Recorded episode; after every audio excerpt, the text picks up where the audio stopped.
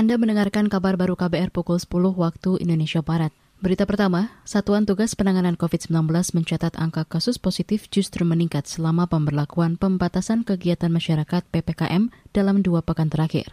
Ketua Bidang Data dan Teknologi Informasi Satgas COVID-19, Dewi Nur Aisyah mengatakan, hingga hari terakhir penerapan PPKM, angka kasus positif mencapai 126 ribu orang dengan penambahan dalam sepekan mencapai 17 ribu orang secara nasional kita melihat kasus aktif kita masih meningkat. Baik. Tadi sudah diingatkan di awal, tren kasus aktifnya juga kebanyakan semuanya meningkat juga mau PPKM tidak PPKM, namun yeah. kita melihat ada perbedaan lah meskipun sama-sama naik, tapi di PPKM ini cenderung terjadi pengendalian sehingga yeah. besaran kenaikannya lebih bisa lebih kecil gitu ya dibandingkan dengan yang non PPKM, terutama di wilayah Bali, Banten dan Jawa Barat. Ya, Yogyakarta sendiri ini sudah berhasil yeah. untuk mengubah uh, kasus aktifnya dia bertambah turun, kesembuhan dia berbanding lurus lah dengan uh, angka kasus aktif. Ketua Bidang Data dan Teknologi Informasi Satgas COVID-19, Dewi Nur Aisyah menuturkan, kenaikan jumlah kasus aktif COVID-19 terlihat dari angka kesembuhan yang turun. Sebelumnya, pemberlakuan pembatasan kegiatan masyarakat PPKM di kawasan Jawa Bali berlaku pada 11 hingga 25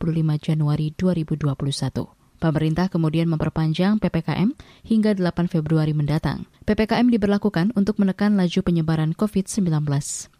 Asosiasi Rumah Sakit Swasta Seluruh Indonesia (ARSI) meminta pemerintah segera membayarkan klaim rumah sakit atas penanganan pasien COVID-19 yang menumpuk.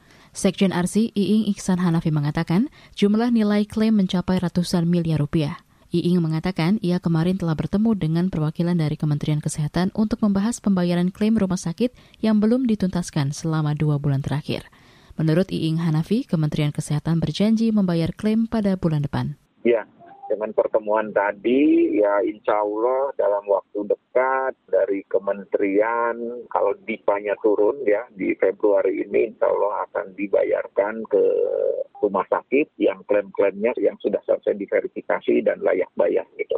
Itu tadi Sekretaris Jenderal Asosiasi Rumah Sakit Swasta Seluruh Indonesia Arsi Iing Iksan Hanafi.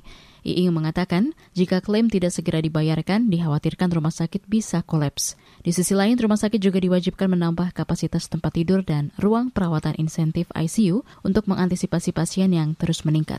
Berdasarkan data Satgas COVID-19, saat ini masih ada 164 ribu orang positif COVID-19 yang masih dirawat di rumah sakit. Kita ke lantai bursa. IHSG masih mengalami tekanan. Mengutip data RTI, Indeks harga saham gabungan pagi ini dibuka di level 6.065 dan langsung anjlok ke level 6.019 melemah lebih dari 40 poin. Meski sempat bergerak naik ke posisi 6.100 atau tertekan tipis 0,13 persen. Sekitar 250 saham melemah, 110-an saham menguat, dan 130-an saham stagnan. Pelemahan terjadi di hampir semua sektor, sementara bursa saham utama di Asia lainnya juga melemah. Sementara itu, data RTI memperlihatkan rupiah bergerak menguat tipis 0,12 persen dan diperdagangkan di level 14.050 per 1 dolar Amerika Serikat.